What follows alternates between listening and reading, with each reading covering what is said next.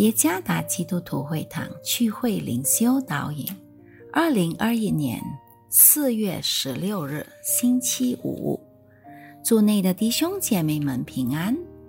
今天的灵修导引，我们将会借着圣经马太福音第四章第八到第十节来思想今天的主题：但侍奉他。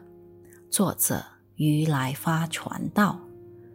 马太福音第四章第八节，魔鬼又带他上了一座最高的山，将世上的万国与万国的荣华都指给他看，对他说：“你若俯伏拜我，我就把这一切都赐给你。”耶稣说：“撒旦，退去吧！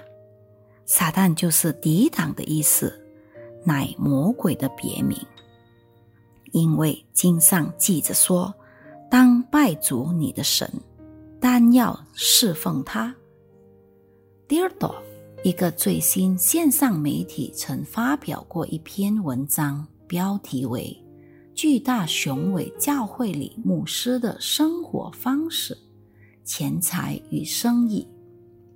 这篇文章是针对一项情愿书，要求对。巨大教会的财务进行审计而发表的申请者是汉塞尔·萨姆尔 h a n s e Samuel）。他起诉教会没把奉献的钱用来建堂，而是装进牧师的口袋里。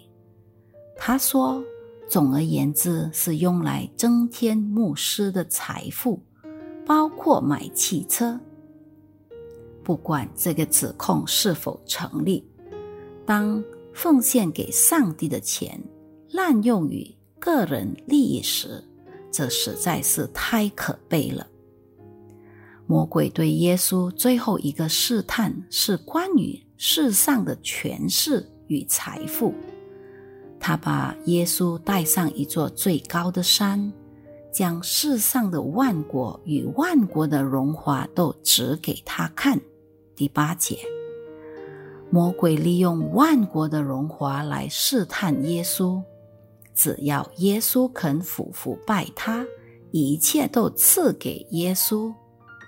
这个试探是否能击败主耶稣？他不是应许过要把上帝的荣耀彰显在世上的吗？对他确实顺服了上帝的旨意。牺牲在十字架上来应验了此事。魔鬼所提供的是捷径，而基督宣告的是十架道路。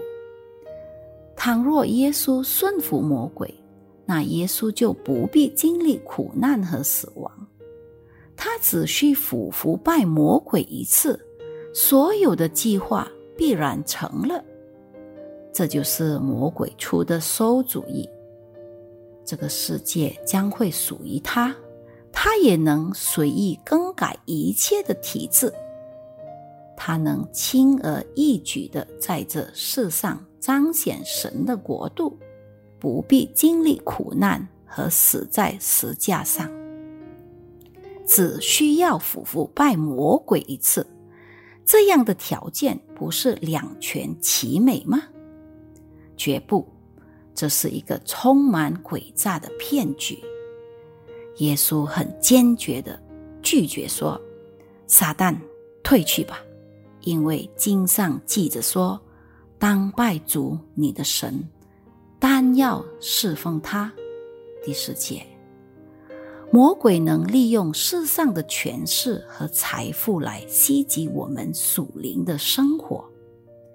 撒旦其中一个谋略就是利用捷径，换句话来说，不择手段的使得更富有、更有地位。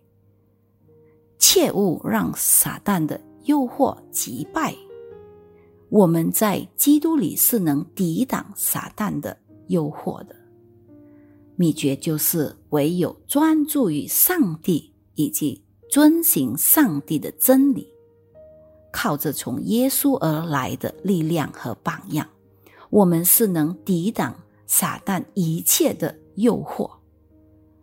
耶稣对权势毫无兴趣，他只要遵行和荣耀父上帝。愿上帝赐福于大家。